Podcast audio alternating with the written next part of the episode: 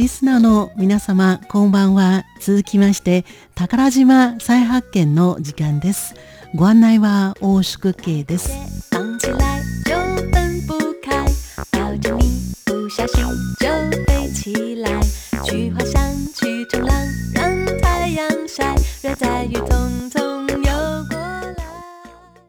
台湾のレコード大賞にあたる金曲賞金銀の金1曲2曲の曲そして小学金の賞という字を書きます、えー、金曲賞ゴールデンメロディアワードの授賞式が今日2日南部高尾市で開催されています。今ちょうど授賞式が始まったところです。台湾国際放送では来週月曜日のミュージックステーションでご紹介いたします。中野さんの担当です。そして来週火曜日に放送されるウーロンブレイクでは金曲賞の年度楽曲賞の受賞作が紹介されます。こちらは王かりんさんの担当です。ご興味のある方、ぜひご受信ください。さて、台北市は今日も曇り空です。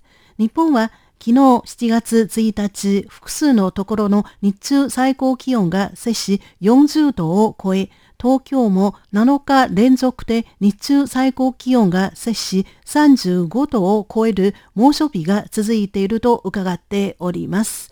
皆様ぜひ熱中症などにお気をつけくださいね。中央気象局は大雨特別警報を出しました。中央気象局は台湾北部、中部、南東県、南東部台東地区及びその他の山間部では大雨が降る可能性があるとして落雷、突風、川の増水などを注意するよう警戒を呼びかけています。大雨に見舞われる可能性のある県と市は北部キルン市の北海岸、北部台北市、新北市、東園市、新築市、新築県、北西部病立県、中部台中市、消化県、南東県、雲林県、柿市、鍵県、南部台南市、高尾市の山間部、平東県の山間部、北東部宜蘭の山間部、東部花蓮県の山間部、南東部の台東県です。雨が降ると少し涼しくなりますが、大きな被害にならないといいですね。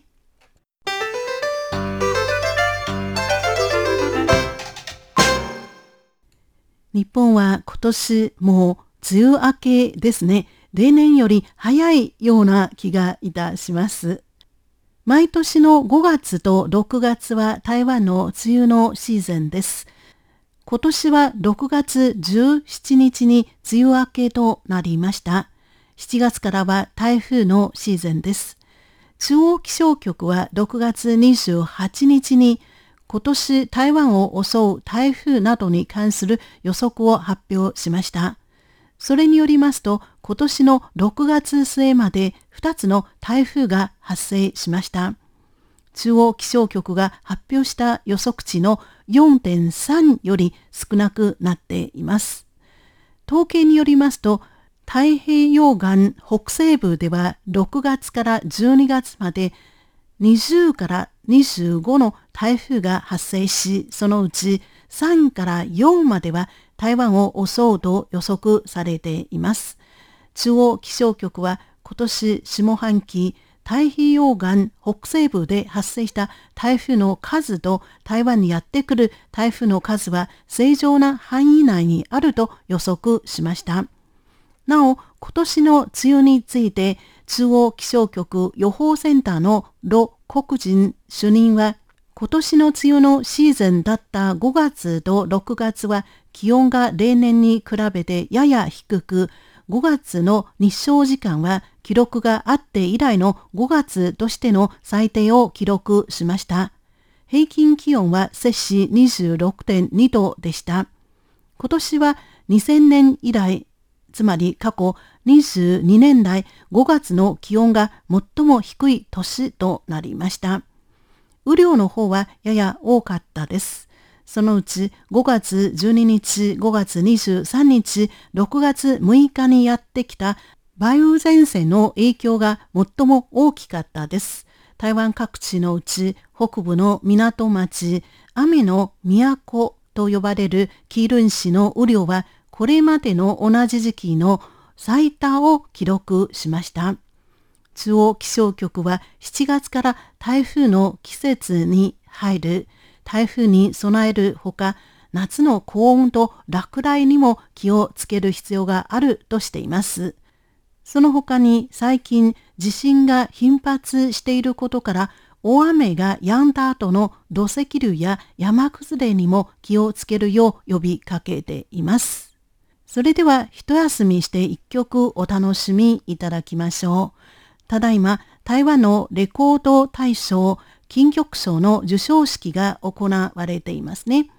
今週は年度楽曲賞のノミネート作品をお楽しみいただきましょう。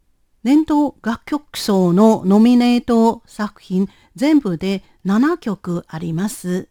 そのうち3曲が私どもの番組の中で紹介したことがあります。例えば、滅人山、えー、これは滅ぼす人山と書きます。この滅人山は6月30日のウーロンブレイクで紹介しました中国大陸から台湾海峡を渡って台湾にやってきた台湾の2番目に大きいエスニックグループ八花人の祖先の黒話を描く歌です。そしてもう一曲愛情は私の想像より偉い、えー、という曲、えー、これも6月23日のウーロンブレイクで紹介しました。ですから、えー、今週は、えまだ私どもの、え番組の中で紹介していない曲をご紹介いたします。ないない、えという一曲です。女編に乃木大将ののという字を書きます。この字を2文字続けて書きます。ないない。歌詞の中には日本語、台湾の2番目に大きいエスニックグループ、ハッカ人の言葉、ハッカ語、標準中国語があります。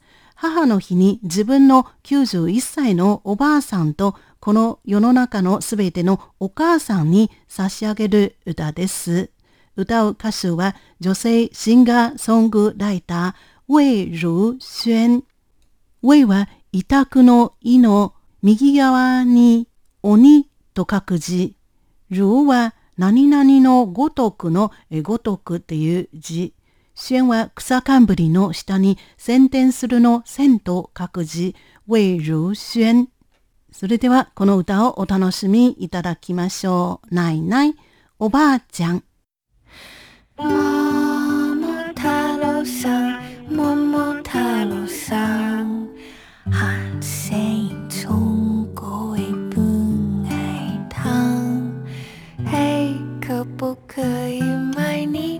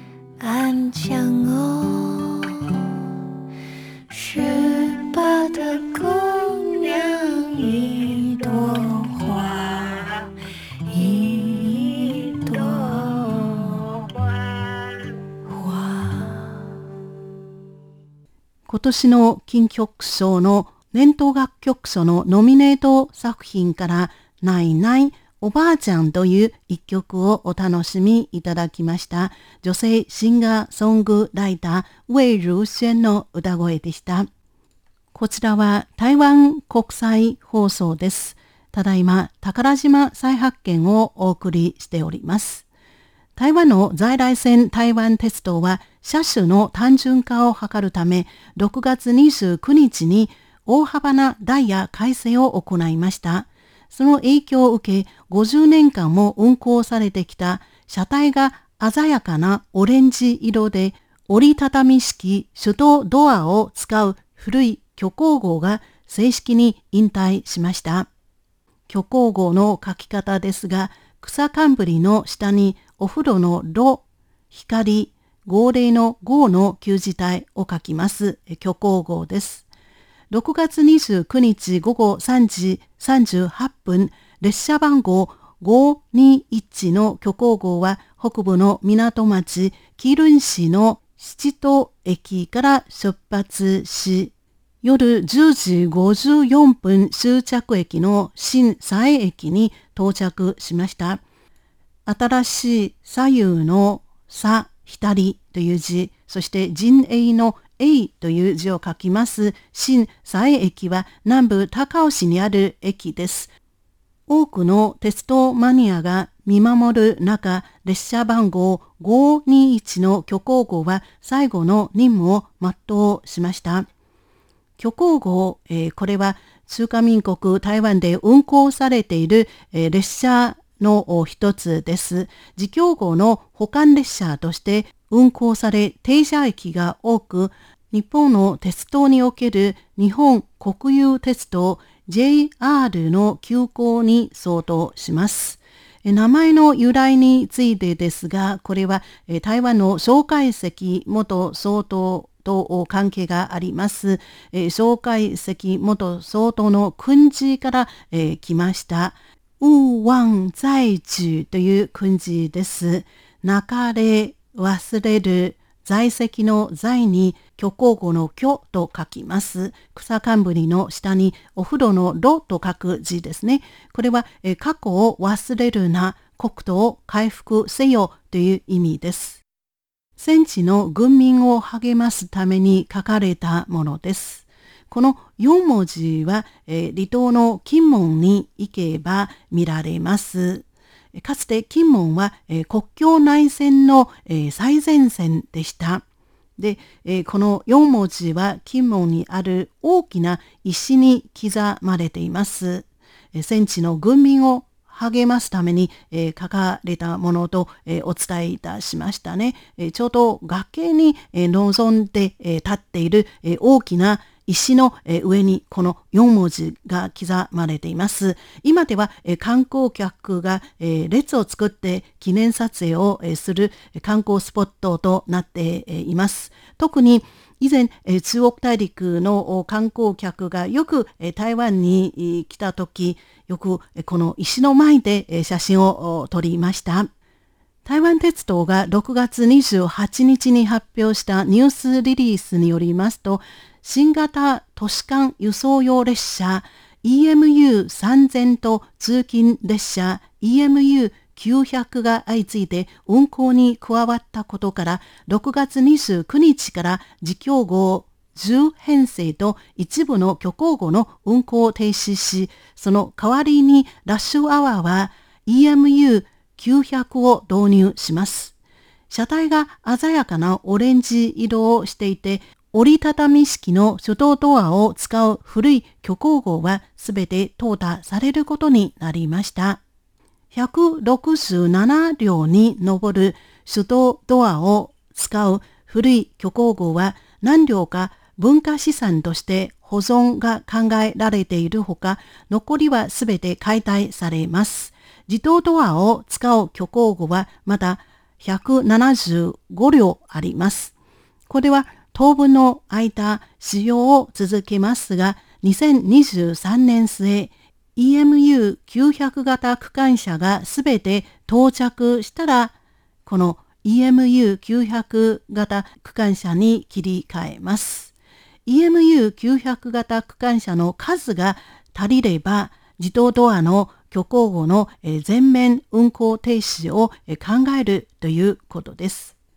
なお、新型コロナウイルスの感染拡大により、列車の運転士を含め、台湾鉄道の多くの職員が自宅療養していました。その影響を受け、台湾鉄道では一部の列車の運行を一時停止しました。しかし最近、台湾における新型コロナウイルスの感染状況が落ち着きを見せ、感染確認者と自宅療養者が大幅に減っていることから、台湾鉄道では7月1日から列車番号418と427の自強号の運行を再開しました。7月13日から区間車と呼ばれる通勤列車29本、指定席の列車9本の運行を再開します。今後感染状況によって随時列車の運行を調整するということです。時間が迫ってまいりましたので、今年の金曲賞ゴールデンメロディーアワードの年度楽曲賞のノミネート作品からもう一曲お楽しみいただきましょう。ひな形という歌です。日本語のひな形という2文字を書きます。台湾の女性シンガーソングライター、シュジャインの作品です。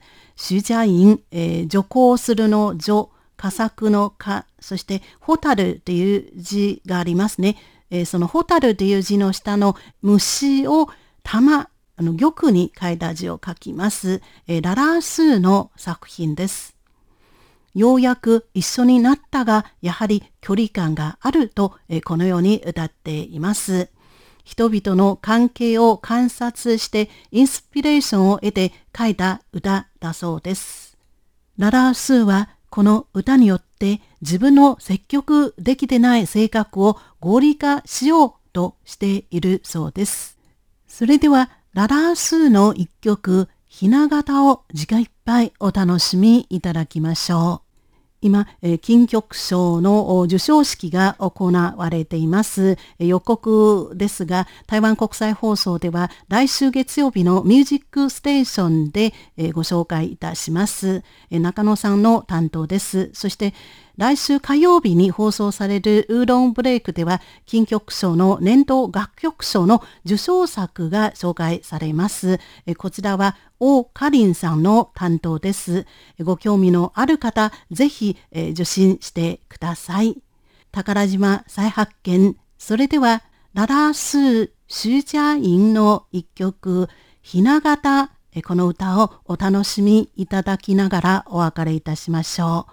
ご案内は大宿慶でした。こちらは台湾国際放送です。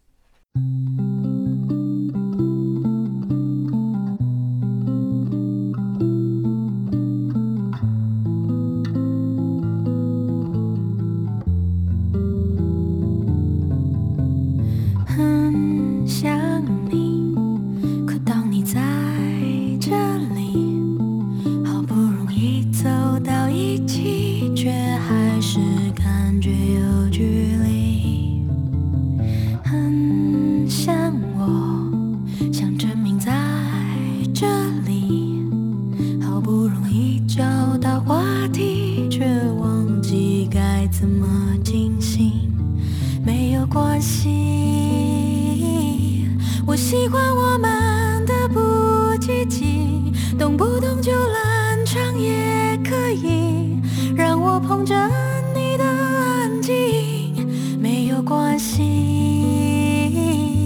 我们不急着去看美景，也是因为在混沌。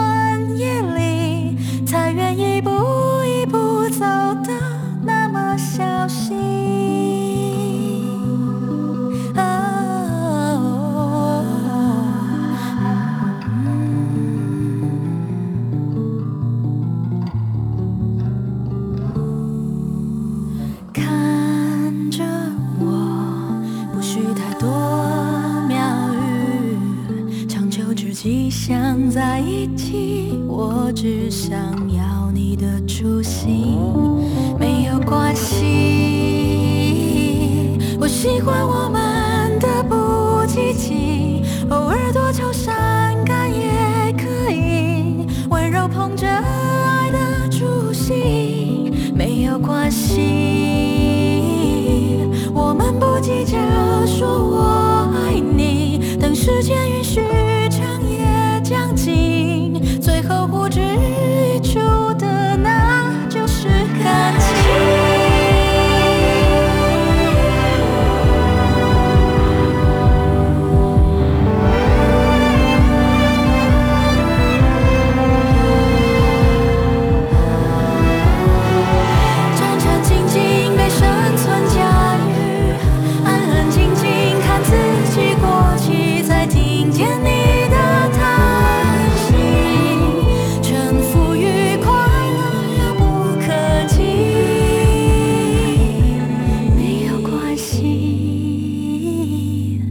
我喜欢我们的不积极，偶尔多愁善感也可以。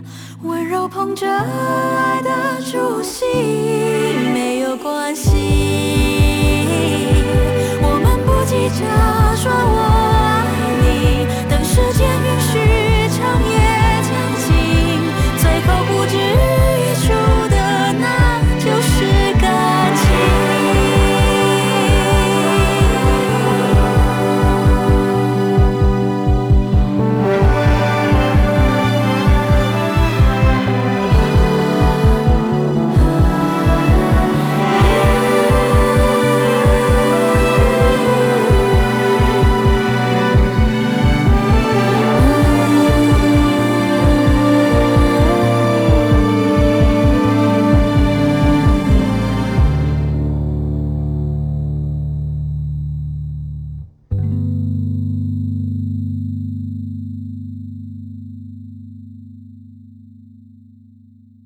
お聞きの放送は台湾国際放送 RTI 中華民国中央放送局の日本語番組です。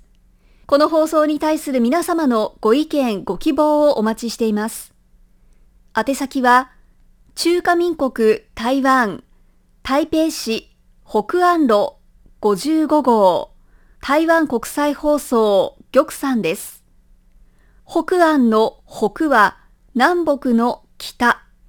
安は安全安心の安。玉山は玉、山と書きます。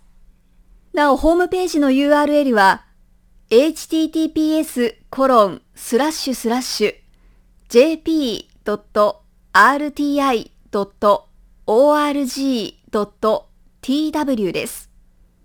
台湾国際放送の日本語番組は毎日2回、東北アジア地区に向けて放送しています。放送時間帯と周波数は次の通りです。日本時間午後8時から9時まで 9.740MHz を使って放送しています。また翌日、日本時間午後5時から6時まで 11.745MHz を使って前日の番組を再放送しています。次の放送まで皆様ごきげんよう。中華民国台湾台北から台湾国際放送でした。「